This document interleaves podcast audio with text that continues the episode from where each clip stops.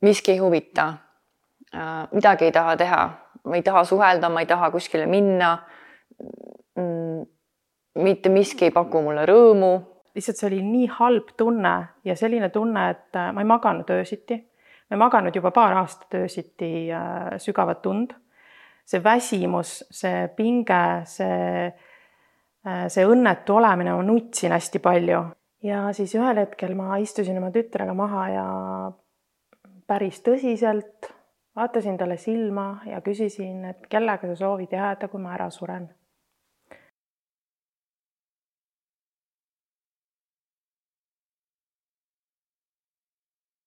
tere, hea EKOS tv kuulaja-vaataja.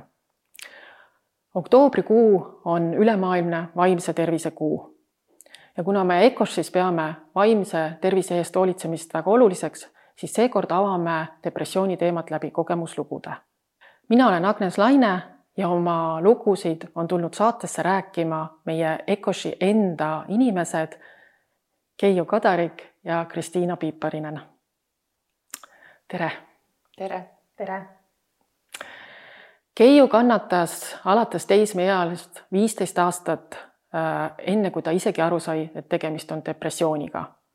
Kristiina kaotas armastatu läbi traagilise õnnetuse. ma tänan, et te olete tulnud saatesse oma lugu rääkima, sest äh, see inspireerib kindlasti paljusid neid, kes alles kogevad neid raskeid hetki. täna saates räägivad Kristiina ja Keiu, kuidas nende lugu algas, kuidas nad ennast tundsid millised olid depressiooni sümptomid, mis põhjustas depressiooni, millal oli pöördepunkt, millest nad said abi ja kuidas nad täna tunnevad ennast ja kuidas nad hoiavad ennast tasakaalus ja heas kohas. selleks, et me saaksime neid äh, personaalseid lugusid südamega vastu võtta, teeme väikese häälestuse. kui sulle sobib, siis äh, sulgeme silmad ja toome tähelepanu oma südamele, oma kehale. Ja kutsun sind vaatama, märkama, mis su kehas toimub.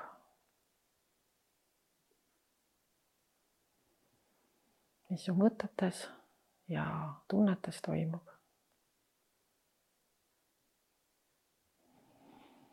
soovitan teha nüüd kolm sügavat sisse-välja hingamist.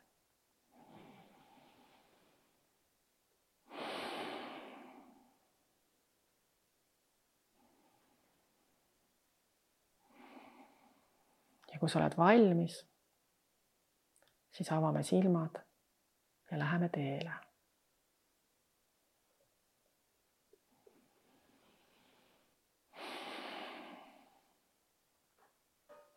Keiu, ma alustaksingi sinust, et äh, kuidas sinu lugu algas mm? -hmm. mina mäletan esimest korda sellist pikaajalist äh, rasket depressiooni ähm,, hästi tumedat aega kümnendas klassis. et tegelikult juba nüüd tagantjärgi äh, mõeldes võib-olla isegi varem, aga see oli selline esimene äh, Mm, esimene hästi raske aeg, mis kestis terve, terve kooliaasta siis järjest.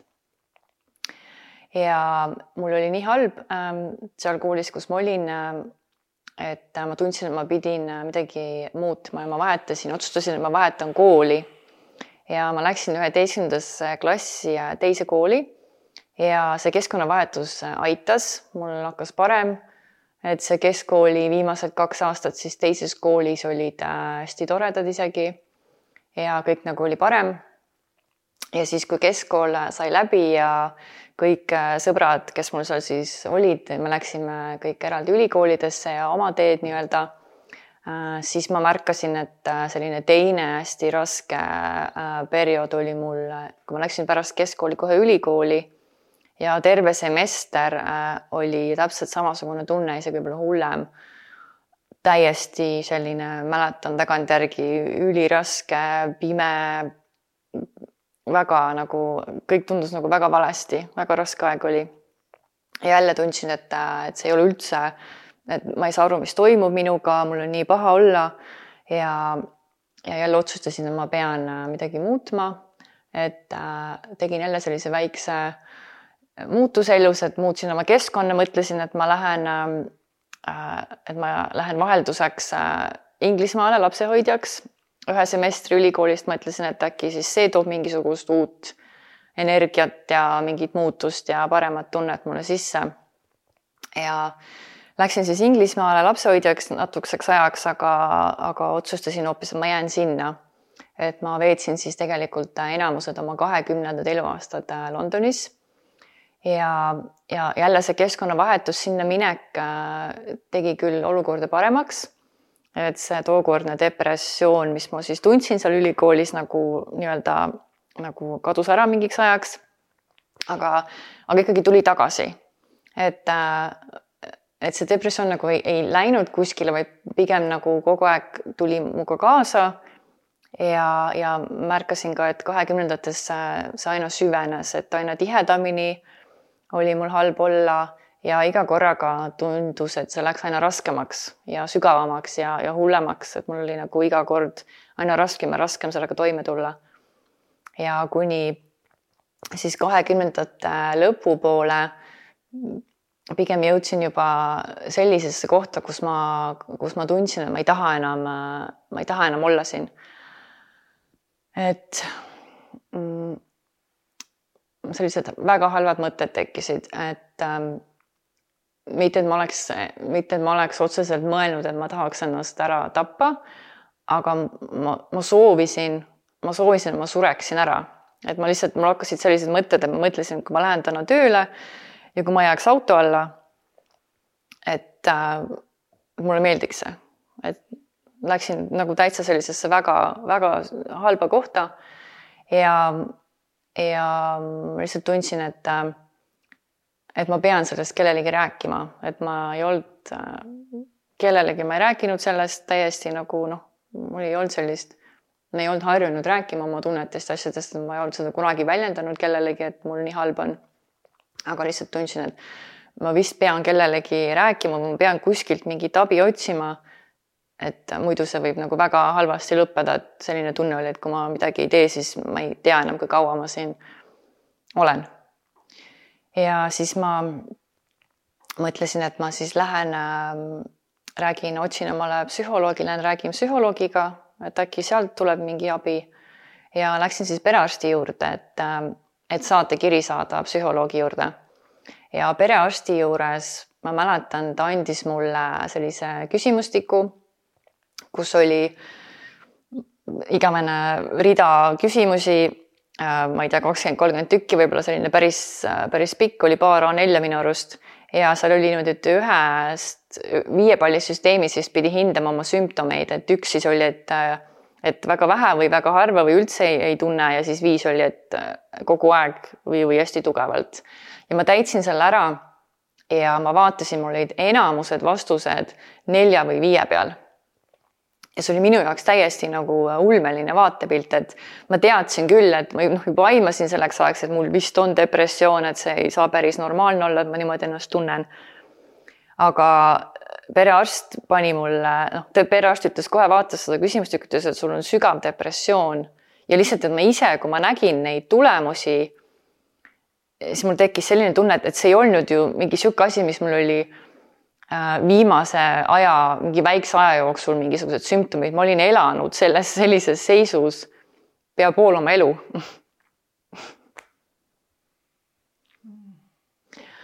Fuck. Täitsa nagu veider nagu, ma olen seda nii palju rääkinud, mul pole kordagi tulnud mingit äh, puh, asja ülesse.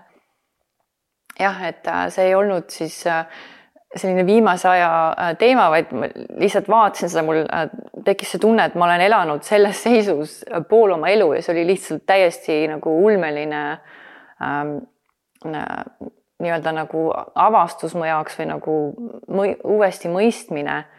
ja see oli see hetk minu ja minu jaoks, kus ma sain aru et, et, et mul on, mul on depressioon versus mina olen see või mina olen selline. Et, et, et mul on, noh, võin ka haigus öelda, et mul on haigus või mul on need sümptomid, mul on, see on mingisugune seisund minu kehas, minu süsteemis, minu ajus. et see ei ole mina, et tekkis nagu, see oli selline hästi oluline koht mu jaoks, sest mul tekkis selline täiesti uus vaatenurk asjale.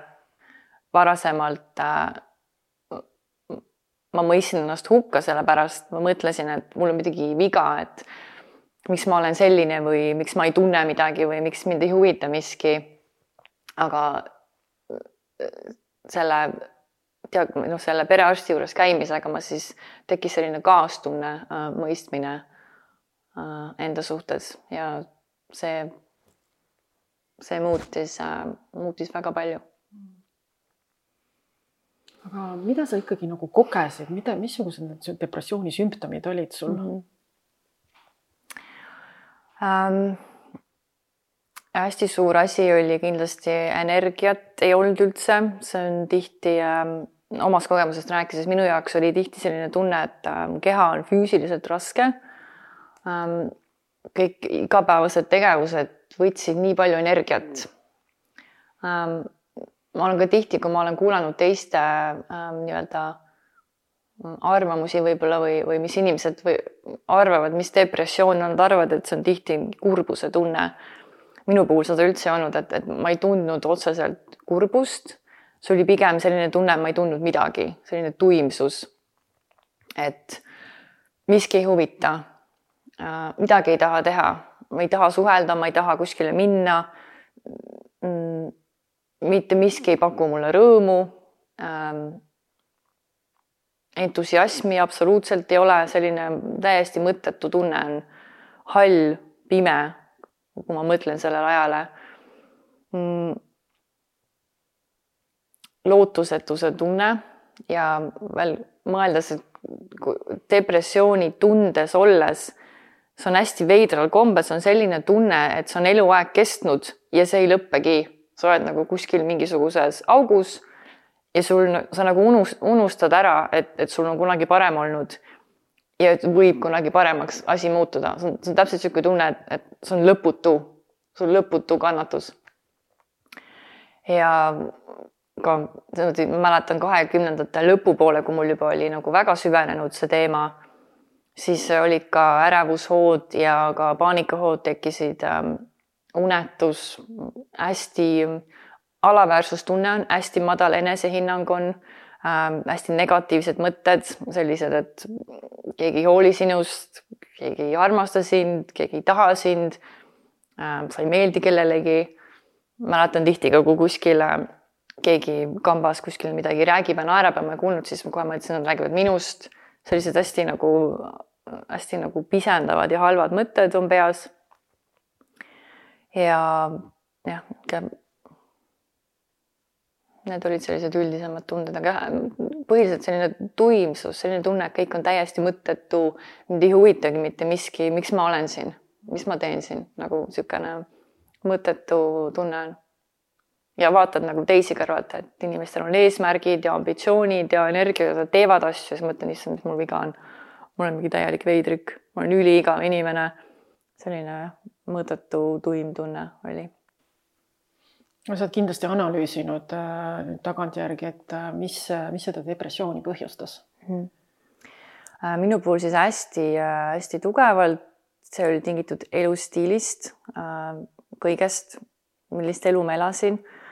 et äh, ma mäletan, mul oli samaaegselt äh, ka depressiooniga, olin hästi hädas söömishäirega, et mul olin äh, selline ülesöömishäire oli, et ma tegin seda hästi tihti ja ma hakkasin, äh, et ma hakkasingi nagu kogu asjadele tegelikult lähenema selle söögiprobleemi äh, nagu poole pealt, et ma hakkasin hästi palju nagu mm, lugema ja huvitusin sellest toidust ja toitumisest ja kuidas üks või teine asi äh, äh, nagu meil, meie kehale äh, mõjub.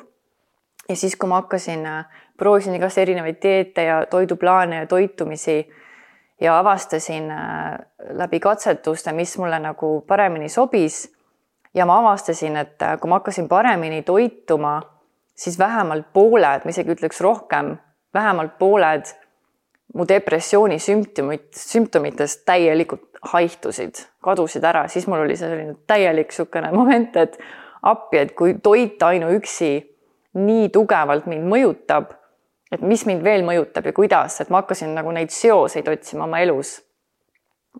Et muutusin hästi uudishimulikuks, hästi uudishimulikuks, hästi tähelepanelikuks, et mm, oma igapäevases elus, et mis ähm,, mis, kus mind ja kuidas mõjutab ja kui palju mm,. näiteks äh, alkoholi joomine, et ma noh, kahekümnendates olin ka noor, et meeldis peol hästi palju käia. et hakkasin ka tähele panema, et kui ma käisingi peol, et kuidas ma ennast siis äh, järgmine päev tundsin ja siis kuidas see mu depressiooni sümptomeid süvendas. Versus kui mul oli selline parem päev, ma nagu sõin tervislikult, liigutasin ennast, mul oli nagu palju parem olla, tuju ja energia olid paremad. et hakkasin sellele tähelepanu pöörama.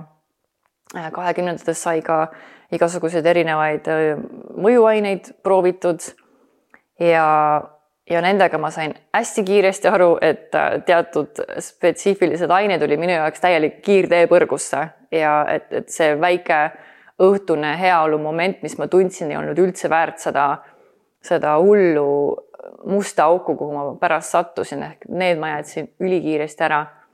ja üldse nagu sellised asjad nagu mu keskkond, äh, kes mu ümber olid, inimesed, kellega ma suhtlesin Mm, millest me rääkisime, millest nad rääkisid.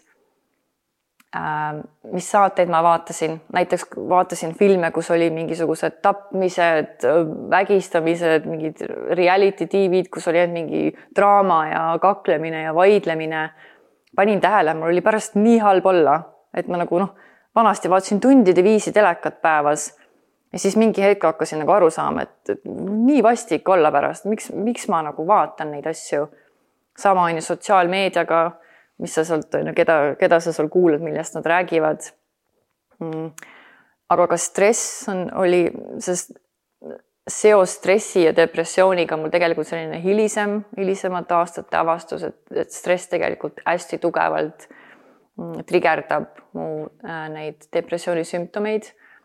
Ja ka ähm, tunnete ja emotsioonidega mitte tegelemine et emotsionaalne intelligentsus või teadlikkus äh, teismelise eas ja kahekümnendates oli minul täiesti null, ma polnud elu sees harjunud või, või näinud enda ümber, kuidas tegelikult tunnete ja emotsioonidega tegeletakse, mis nendega peale hakata ja see, kuidas mina tegelesin äh, probleemidega või, või, mm, või konfliktidega või igasuguste halbade emotsioonidega äh,, oli tuimestamine ehk siis söömine. Söömine või äh, alkohol, et lihtsalt nagu tuimestasin ära, mul hakkaks parem või siis täielikult vältimine. et äh, äh, näiteks ma olin, olin ka suhtes, pikaajalises suhtles, suhtes Inglismaal elades ühe mehega ja nüüd tagantjärgi mõeldes ajab mind natukene isegi naerma, mitte ühtegi probleemi me kunagi tegelikult ei lahendanud ära. meie viis lahenduseks oli see, et me kolm päeva ei räägi ja siis saame kokku, siis asi on unustatud ehk nagu vaiba alla pühitud, on ju.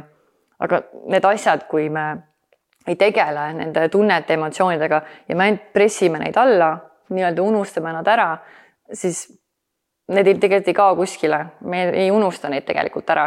Ja need ainult kuhjuvad ja kuhjuvad ja kuhjuvad ja lõpuks ongi äh, üliraske olla, kõik asjad trigerdavad sind ja noh, kaod ära sellesse, et et jah, hästi palju oli nagu minu igapäevasest elustiilist tingitud, aga ka nagu stress ja selline emotsioonide ja tunnetega mitteoskus toime tulla mm.. aitäh, Keiu. Kristiina, aga milline on sinu lugu, et äh, kuidas sind see lein mõjutas? Äh, minu lugu oli siis äh, selline, et neliteist aastat tagasi juhtus äh, traagiline liiklusõnnetus, kus ma siis kaotasin oma väga lähedase inimese, oma kaaslase. ja noh, esialgu peale sellist sündmust siis on šokk, et mina kogesin seda leina ikkagi esimest perioodi, paar aastat šokiseisundis, kus ma eitasin ja äh, ma isegi äh, äh, tundsin, et mul on juba möödas kõik selle paari aasta jooksul, et olengi edasi saanud. Kuniks siis minu kõige sügavam mustem koht saabus hoopiski kolme-nelja aasta pärast. ja ma kogesin ärevushoogusid paar aastat oma elust, mida ma pidasin täiesti normaalseks, et ma ei osanud kunagi sellele asjale nii vaadata, et minuga toimub midagi, vaid see vaikselt hakkas minus siis süvenema. ja need ärevushood tulid peale suvalisel hetkel, tööl, koosolekul, toidupoes, kus iganes. ja, ja sellega kaasnes ka väga äh,, väga tugev surmahirm tegelikult. või selline teadmine või, või, või nagu tunne, et äh, aga ma võin nüüd ära surra. ja ka seda ma pidasin normaalseks, et ikka tuleb peale ja siis tuleb lonks vette võtta ja minu kõrval äh, Äh, on minu hoidjaks, kes tegelikult oli ise ka selles kogemuses olnud minu imearmas tütar. ja sellel hetkel siis ei olnud temal ka veel nagu seda vaadet, et, et ta ei osanud nagu analüüsida seda selleks kümneaastasena, et või natukene rohkem, et et midagi, mis toimub kuid läks aega edasi ja, ja kõik sümptomid hakkasid süvenema. et siis ühel hetkel olin ma sellises kohas, et ma ei suutnud enam ennast ühelgi hetkel hästi tunda. Et ma hakkasin lugema hästi palju raamatuid, see oli äh, hästi tervendav. Minu jaoks, ma lugesin vaimsetel teemadel raamatuid. Ja sisemiselt tagantjärgi siis ma tean, et ma alateadlikult otsisin lihtsalt vastuseid kuskilt äh, äh, sügavamalt, kõrgemalt, kaugemalt, äh, sest tavareaalsus mulle neid vastuseid ei andnud, mida ma selles leinas kogesin. ja siis oligi, et see periood, kus mul raamatuid lugedes oli, oli kõige parem olla ja ma tegelesingi endaga, et ma, ma käisin ka jooksmas, füüsiliselt liigutasin, et äh, toitusin tavapäraselt äh,, millegiga väga ennast ei kahjustanud äh, suurel määral. kuid ühel hetkel äh, olin ma siis sellises kohas, et ma, et see surmahirm hakkas selliselt minu sees kasvama Äh, mida ma ei osanud üldse teadvustada nagu surmahirmuna, vaid, vaid äh, lihtsalt see oli nii halb tunne ja selline tunne, et äh, ma ei maganud öösiti. ma ei maganud juba paar aastat öösiti sügavat und.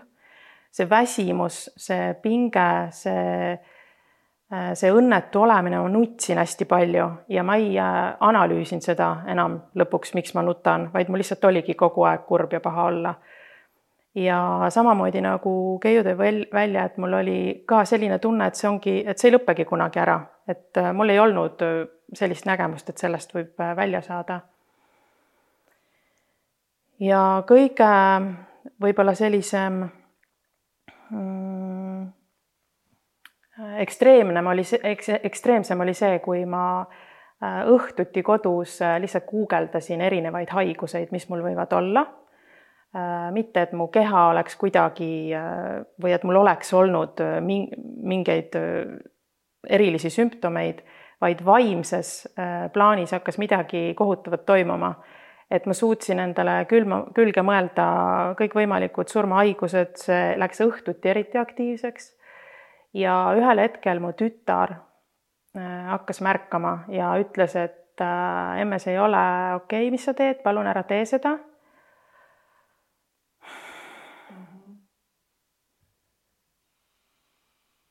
tundub, et need depressiooni sümptomid on üsna sarnased.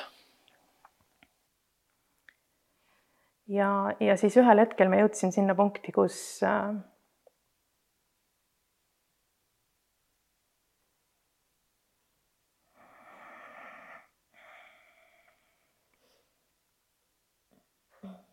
ja paralleelselt selle surmahirmuga ma kogesin ka tohutut alaväärsust, et see läks eriti äh, tugevaks mu sees. et äh, näiteks töölt äh, koju tulles ma mõtlesin läbi teekonna, et kuidas ma saaksin liikuda nii, et ma ei näe ühtegi tuttavat, et ma tahtsin ainult töölt koju, töölt koju, koju, kodust tööle. ja suhelda ainult kõige lähedasemate inimestega. Et see alaväärsus kasvas, kasvas nii suureks, et kui mind kutsuti külla või kuhugi seltskonda, siis ma enne nutsin kodus. et ma, ma ei oskagi isegi täna sõnastada, mis see kombo kõik oli. jälle oli mu tütar mu kõrval ja, ja toetas mind, kes siis äh, ütles, et lähed ikka ja, ja kõik läheb hästi ja olidki väga toredad koosviibimised. Aga sellegipoolest kõik süvenes ja abi ma ei ole olnud osanud otsida. ja siis ühel hetkel ma istusin oma tütrega maha ja päris tõsiselt vaatasin talle silma ja küsisin, et kellega sa soovid jääda, kui ma ära suren. sest ma olin täiesti kindel, et ma suren ära ja see toimub lähiajal ja tema väikse lapsena võttis seda küsimust tõsiselt ja hakkaski mõtlema, et kellega siis ja selleks oli mu üks lähedane sõbranna, kes ka minu elukaaslasega oli äh, noorest põlvest äh, tuttav ja, ja läksingi, rääkisin temaga, et, et kui ma ära suren, et et siis mu tütar äh, soovib sinuga jääda. ja, ja siis läks natuke aega edasi, kus siis äh, noh, see kõik toimus kuude, kuude jooksul, see, kui ma juba sellises kohas olin, kuni ma siis tundsin ikkagi, et ma enam psühholoogiline, mul tekkis selline märkamine, et ma enam ei valitse enda psühholoogilis-, ennast psühholoogiliselt, et ma teen asju äh,, mida ma äh, saan aru justkui, et seda ei ole okei okay teha, aga ma ikkagi teen neid. ja ma käisin jooksmas, pisarad jooksid, äh, tegelesin endaga aga see, see midagi ei toonud mind sellest välja. ja siis tuli mul taipamine, et äkki ma lähen perearsti juurde. ma ei mäleta isegi sellele, sellele hetkele tagasi mõeldes, et äh, mis see, mis see, mis see hetk oli siis, et miks ma sinna perearsti juurde läksin. aga kui ma sinna jõudsin, siis äh, oma jutuga oma sümptomitest, mul olid veel kehalisi, kehalisi sümptomeid hakkas äh, selliseid, et äh, pea valutas, äh, kurgust oli survetunne, kõhust oli survetunne, et need olid kõik sellised stressisümptomid. ja paar korda isegi helistasin sellele arsti või terviseliinile õhtuti, et mul on nüüd sellised sümptomid, mina muidugi arvasin, et ma suren ära, kust mulle ka öeldi, et need on stressitunnused. aga seda infot oli raske vastu võtta ja siis äh, seal perearsti juures äh, ma sain selle testi teha ja äh, samamoodi lihtsalt täitsin selle ära, andsin selle tagasi ja siis tema esimene vastus oli, et tegemist on depressiooniga, et kõik need näitajad, vastused olid seal siis laes, mis, mis siis sai üldse olla. ja siis tuli, siis tuli teemaks antidepressandid aga mina olin olnud väga skeptiline ja vastumeelne ja kuidagi suhtunud antidepressantidesse, et, et noh, neid, neid tarvitavad siis äh, ikkagi juba poolhullud või, või, või noh, see, see oli nagu minu jaoks midagi väga hullu äh, kuulda juba seda sõna antidepressanti ja veel enam seostada sellega, et mina peaksin hakkama neid võtma. Aga see tuli teemaks ja siis kõigepealt, kui ma üldse lasin nad endale välja kirjutada, ma guugeldasin, uurisin, äh, et noh, perearst tõi selle välja, et äh, see võiks sind aidata. aga ma alguses nagu isegi ei nõustunud sellega, et ma hästi palju uurisin, mis siis need erinevad vormid on. ja jäi siis mind kõnetama siis serotoniini taset tõstvad antidepressandid ja need siis saigi ka mulle välja kirjutatud ja ma tõesti võtsin neid kümme kuud väga korrapäraselt äh, ilma doosi tõstmata. ja ma võin küll öelda, et äh, sellel hetkel selles sügavas augus olles äh, oli see päästerõngas. et siis ma sain hakata adekvaatselt nägema üldse, mul kadus ära see surmahirm mul oli lihtsam näha võimalusi kõik, mis ma tegin enda heaks, need heaoluhetked pikenesid. Ja siis lõpuks äh, oligi, et, äh, et tulid juba välised sündmused, mis hakkasid minu sellest väljatulekut toetama. Mm.. aitäh, Kristiina. Mm.. Keiu, aga mis sind aitas sealt depressioonist välja? Ähm,? Mulle kirjutati ka antidepressante, aga mida ma ei võtnud ähm,. mul oli samuti hästi suur selline hirm nende suhtes ja püüdsin ikkagi leida mingeid alternatiive ja teisi võimalusi, kuidas äh, ennast aidata, ilma et ma peaksin neid võtma Äh, minu puhul aitas äh, pigem muutused elustiilis, et ma muutsin päris drastiliselt oma toitumist ja hakkasin pingsalt järgima või jälgima, tähendab, mm, milliseid stimulante ja mõjuaineid, kui tihti, kui palju ma talusin või ei talunud. Ähm, liikusin kindlasti, et liikumine oli hästi oluline, unele keskendumine, selline enese, enesehoolitsuse Ähm, ja elustiili muutused. et jah, et hakkasin toitumist vaatama, liikumist ähm,, unekvaliteet äh,, ma looduses hästi palju oleksin, kes mu keskkonnas on, mida ma tarbin äh,, on ju siis ka infoga, mida ma kuulan, mida ma vaatan äh,, milliseid saateid, kui palju päevas ma on ju kuulan mingit negatiivset või vestlen inimestega, kes on hästi negatiivsed et lihtsalt hakkasin niisuguseid väikseid muutusi tegema. ja, aga hästi suureks äh, abivahendiks minu puhul oli äh, selline tugisüsteemi või nagu toetuse otsimine, õppimine, abi paluma. et üheks äh, depressiooni äh, suureks sümptomiks on isoleerimine, on eneseisoleerimine, mis on tegelikult täiesti laastav selles olukorras. et üldse ei ole tunne, et ma tahaks suhelda ja siis, kui sa noh, see isoleerimine ja kõik endasse hoidmine, mitte nagu rääkimine selle kannatamine üksinda täiesti laastav, et ma pidin õppima ennast nii-öelda nagu rääkima sellest, küsima abi, kui mul oligi raske, et ma nagu päriselt helistan kellelegi, ütlen, et äh, räägi minuga täna. Ma olen helistanud sõbrale, öelnud, et, et äh, ma lähen hulluks, et räägi midagi, räägi endast, kuidas sul läheb ja noh, et lihtsalt saaks korra mõtteid ära. et selliseid väikseid asju ähm,.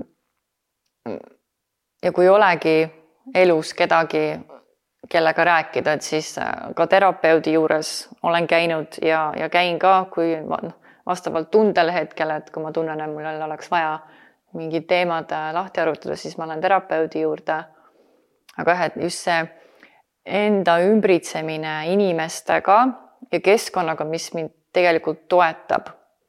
et kus ma äh, julgen ennast väljendada, kus ma julgen asjadest päriselt rääkida et see on selline suurimatest äh, abivahenditest olnud minu jaoks, et et vahest nagu see seeshoidmine ja isoleerimine, see on nagu nii hull, kui sa, vahest on lihtsalt juba see, et kui sa saad selle endast välja rääkida, et sa isegi, keegi ei pea, sa isegi ei pea lahendust leidma, aga see lihtsalt see, et sa saad selle välja öelda, siit välja tuua, siis see on selline kergendus nagu vahest ma nagu ähm, Ähm, toon metafoori või analoogi, see on nagu oksendamine, kui sul on nagu hästi paha kõhus ja sa oksendad ära, siis sul on pärast nii palju kergem ja parem olla. Et see on minu jaoks nagu sama, et kui mul hakkab siin mingi teema ketrama või siin mingid halvad mõtted, siis ma nagu pean need lihtsalt välja, väljendama endast välja. mul juba hakkab kergem. et olen nagu õppinud seda, et ma viin ennast inimeste sekka isegi siis, kui ma tunnen tihti, et ma ei taha seda teha aga ma nüüd ma juba saan aru, mul on see, et oh, mul on jälle see moment, et ma olen päris palju üksi olnud ja mul hakkab juba vaikselt halb, mul hakkavad mingid mõtted siin ketrama, nagu hakkab vaikselt halvaks minema, et siis ma nagu helistan kellelegi või, või lähen külla või lähen äh, nii-öelda nagu astun ise selle sammu, et ühendus luua kellegagi versus, et ma on ju istun üksi kodus ja ootan, miks, miks keegi minuga, keegi ei hooli minust äh,, miks keegi mulle ei helista või asja, on ju. Et seda olen teinud ja, ja kindlasti ka oma tunnete ja emotsioonidega tegelemine, mis on nagu, mida ma veel õpin.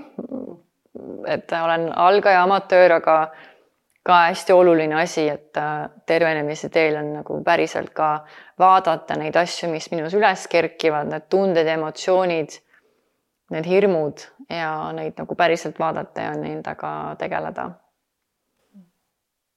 aitäh, Keiu Äh, sa, Kristiina, tegelikult äh, tõid juba välja seal osad äh, asjad, mis sind hakkasid nagu aitama sellest raskest kohast välja, aga võib-olla sul on veel midagi lisada ja, ja mis hoiab sind täna heas kohas, heas tundes?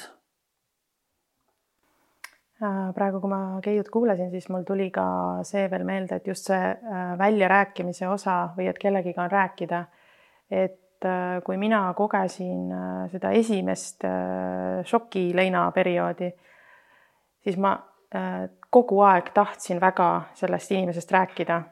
et minul ei olnud kordagi seda, et ma tahaks kuhugi selle sisse pakkida.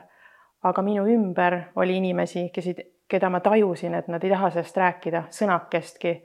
ja see tegi haiget tegelikult. mul oli hästi palju, pakkisin endasse seda leina läbi selle et äh, inimesed ei osanud tegelikult ümber ka selle minu valuga toime tulla ja selle minu, minu leinaga, et äh, et lihtsalt toongi selle välja, sellepärast et leinas on erinevaid äh, perioode ja mis võib seda süvendada siis, et, et inimesed märkaksid oma lähedast, kes selles protsessis on, et, et kas siis on see just see rääkimise vajadus või, või et kuidas, kuidaspidi see on et kui ma olin jõudnud siis juba sellesse kohta, et ma võtsin neid antidepressante ja suutsin juba näha adekvaatsemalt maailma ja oli neid äh, lihtsam sisemiselt, siis ma nägin võimalusi ja elu hakkas muidugi toetama äh, üsnagi pea äh, käisin ma ka oma elu esimeses teraapias. Ja mõned kuud hiljem äh, olin otsustanud äh, minna oma elu esimesele joogareisile Aasiasse. ja kui ma seal joogareisil siis ära käisin, siis sealt tagasi tulles algas mul täiesti uus peatükk elus. minu tutvusringkond vahetus, minu toitumine muutus, minu elustiil muutus. et see äh, oli, oli tõesti elumuutev ja sealt edasi järgnes äh, periood, kus ma neli aastat vist iga kuu või kahe tagant käisin kuskil kursusel, koolitusel, mis olid seotud siis enesearenguga, eneseleidmisega, äh, vaimsete teemadega. ja, ja läbi selle siis ise tervenesin äh, ka ja sain sealt hulga tööriistu, kuidas kuidas endal seda heaolutunnet hoida mm.. aga Keiu, kuidas sina täna ennast hoiad heas kohas? Äh, minul on samuti äh, tekkinud ähm, selline tööriistakast või mina kutsun seda oma heaolu valemiks, äh, mida ma siis, on nagu teatud ähm, ähm, rutiinid või tegemised, mis ma teen üldiselt regulaarselt igapäevaselt paljusid ka, mis siis hoiavad mind tasakaalus ja, ja heas tundes mm,. enesehoolitsus nagu enda, enda füüsilise keha ja oma aju tervise eest hoolitsemine on minu jaoks täielikuks prioriteediks saanud ähm,. liikumine samuti ja looduses ja õues käimine. et need on minu jaoks sellised asjad, äh, mis on prioriteedid ja mul peab nendeks olema aega iga päev, et ma pigem tühistan muid asju oma kalendris, aga nendega ma kompromisse ei tee enam. et täiesti nagu olen äh, selline, ei tule õiget sõna praegu, aga jah, natuke ekstreemne võib-olla, aga ma lihtsalt tunnen, et need mõjutavad mind nii tugevalt, et ma ei taha enam äh, nendega üldse kompromisse teha. et mul on ka selline hommikurutiin, õhturutiin ähm, telekat ma enam üldse ei vaata, et ma olen hästi, hästi tundlikuks muutunud selle suhtes, mis mu keskkonnas on, mida ma kuulen iga päev. Ja ma olen ähm,, äh, minu jaoks on muutunud täiesti vastuvõtmatuks teatud äh,, teatud äh, ähm, ma ei tea, saated, inimesed, üldse selline negatiivsus, mida ma ei taha enda ellu, et ma nagu vaatan seda hästi palju. Ähm, igasugused mindfulness praktikad, joogat teen ähm,, äh, mediteerin äh,, loen ja kuulan äh, infot ja asju, mis mind huvitavad, mis tekitavad mus hea tunde. ka muusika on hästi suur osa sellest. muusika on üliteraapiline. Äh, kui sa seda võtad enda nagu tööriista, tööriistana, et äh, hästi tihti, kui on mingisugune halb tunne sees, siis muusika tõmbab mu sealt suht kiiresti välja, kui mulle tuleb see meelde seda kasutada. ja palju asju ei tule niimoodi praegu pähe, aga jah, et, et on tekkinud selline oma list asju ja, ja sellised rutiinid, mida ma kogu aeg teen, et hoida ennast heas, heas tundes ja tasakaalus. ja suur osa sellest on kindlasti ka stressi ja pinge haldamine, et olla nagu sellega ka hästi tähelepanelik. Äh, et ma nüüd juba tean neid läbipõlemise ja stressi tunnuseid nii hästi, ma märkan neid hästi varakult ja ma hakkan kohe tegema muutuseid, sest ma tean, kuhu see tee läheb. Ja stress on üks, üks tugevamatest äh, trigerdajatest, mis need äh, depressiooni sümptomid mus jälle nagu pinnale toovad väga kiiresti. et kindlasti see ka, aga jah, igasugused, igasugused praktikad ja tervislik toitumine kindlasti nagu baasiks täiesti ja ka igasugused toidulisandid, mida ma olen hakanud kasutama enda, enda nagu toetamisel, et ma mingi hetk, isegi noh, praegu, aga hästi tugevalt äh, keskendusin ajule, just aju tervisele. sest ma saan aru, et aju on ka organ, täpselt nagu süda, kopsud, maks. ja kui inimesel on näiteks südamega probleemid või muu organiga probleemid, siis sellest räägitakse vabalt, aga kui sul on ajuga probleemid, siis miskipärast me mõtleme, et see on meie ja me ei räägi sellest, on ju, suu on kinni, ei julge rääkida. mina olen see, mina olen hull, mina olen veider tegelikult on tihti see, et sul on ajuorganis midagi on paigast ära. et hästi nagu pööran, pöörasin tähelepanu aju tervisele ja sealt tulid ka välja äh, sellised teatud äh, taimed ja toidulisandid, mis hästi toetavad meie vaimset tervist ja aju tervist, nagu näiteks kalaõli, oomega kolmed on ju hästi kasulikud ja üks asi, mis on minu puhul isiklikult hästi palju aidanud, on näiteks probiootikumid, mis üldse ei paneks kokku, et kuidas see depressiooni või, või vaimset tervist mõjutab. aga ma olen aru saanud, miks ka toitumine on nii oluline, on, et äh, magu ja seedesüsteem ja aju tervis on niimoodi koos, üks mõjutab teist kohutavalt palju. et, et olla heas vaimses tervises ja, ja Äh, mu aju tervis oleks korras, ma pean hästi pingsalt järgima, et ka mu seedesüsteem ja seedeelundkond oleks heas seisus. ja lihtsalt probiootikumide kasutusele võtmine, ma panen tähele, muudab mu tuju, mu energiat, rahulikkuse tunnet sees, rahulolu tunnet, minu sees on selline rahu ja vaikus on ju, versus mingi möll käib. et äh, sellised asjad ja ka nagu noh, teatud vitamiinid ja mineraalid nagu näiteks magneesium mida ma nüüd kasutan igapäevaselt. sest ma lihtsalt tunnen nii suurt, nii suurt vahet. et selline äh, äh, aitab äh, tunda rahulikumana, lõdvestav ja ka olen nagu rahulikum selle tõttu, et sellised teatud asjad. aitäh. Kristiina, kas sa sooviksid midagi lisada?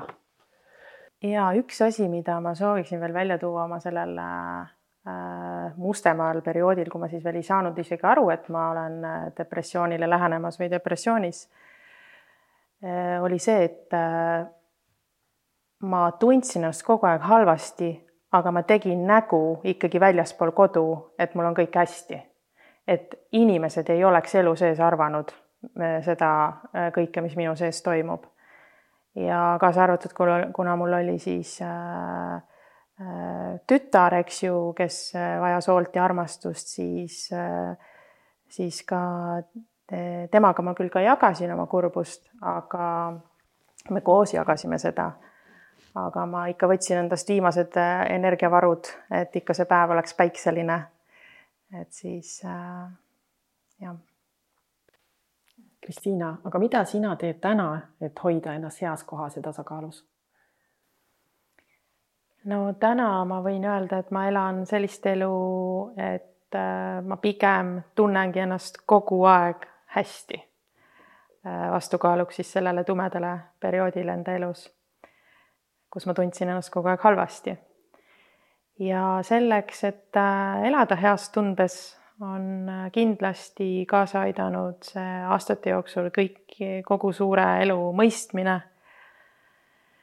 ja need vastused küsimustele ja siis muidugi sellised nii-öelda tööriistad. et kuidas ma oma päeva alustan, kuidas ma märkan, mida mu keha tahab süüa, puhkust, milliste inimestega ma ennast ümbritsen, millal ma ütlen kuskil ei ja panen oma piirid paika, äh, jätan ruumi sellele, et mul oleks hea olla, teen valikuid sellest, et mul oleks hea olla. et, äh, et hästi palju äh, sellist teadlikku märkamist on see, mis aitab tasakaalu hoida. Hmm.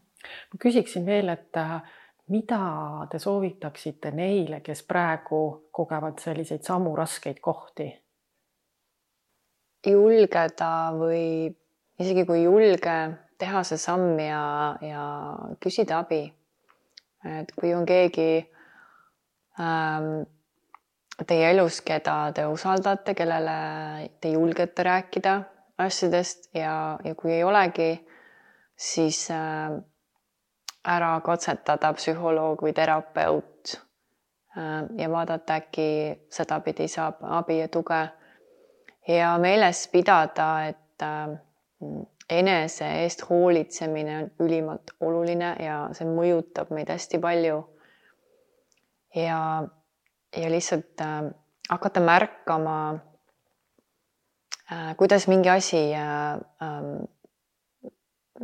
igapäevases elus teid mõjutab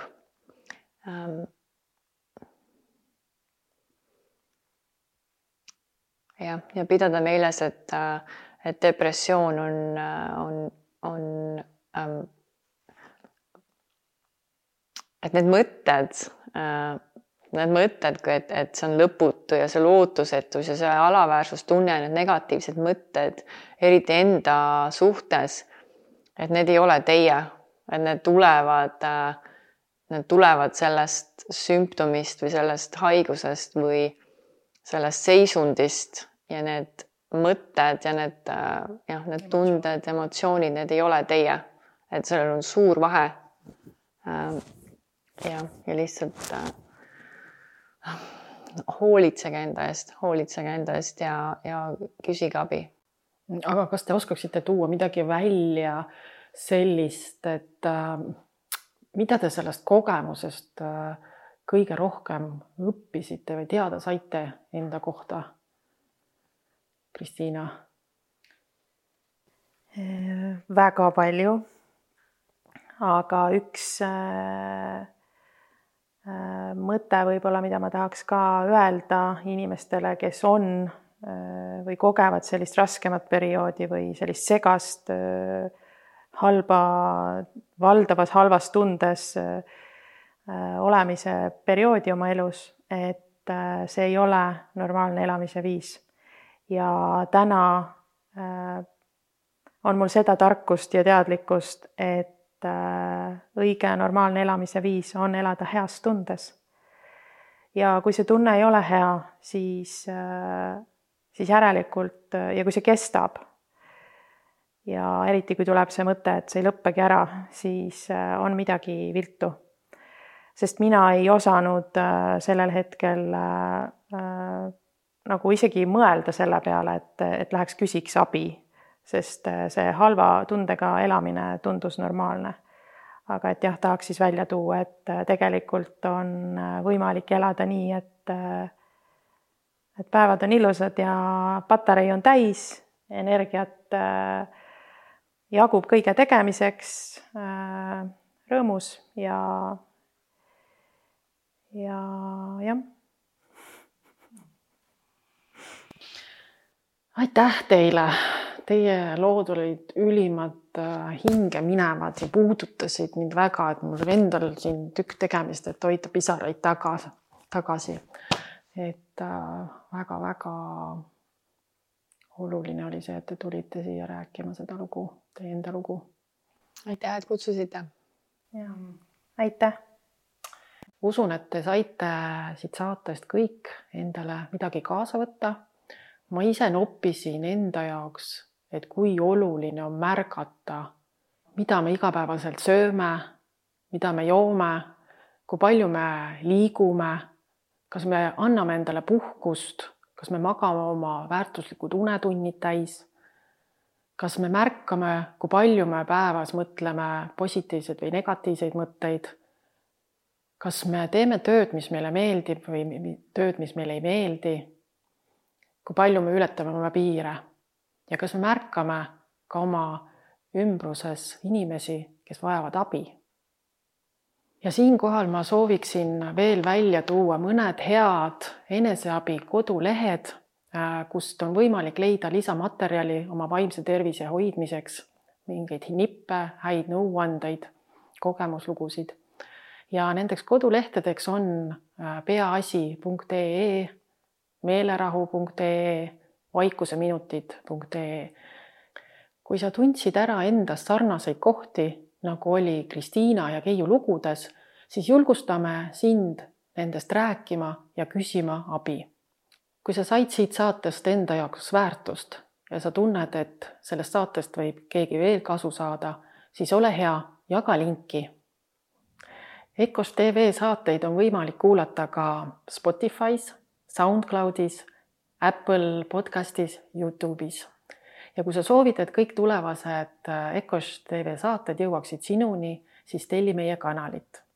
aitäh, saate vaataja, et olid meiega ja uute kohtumisteni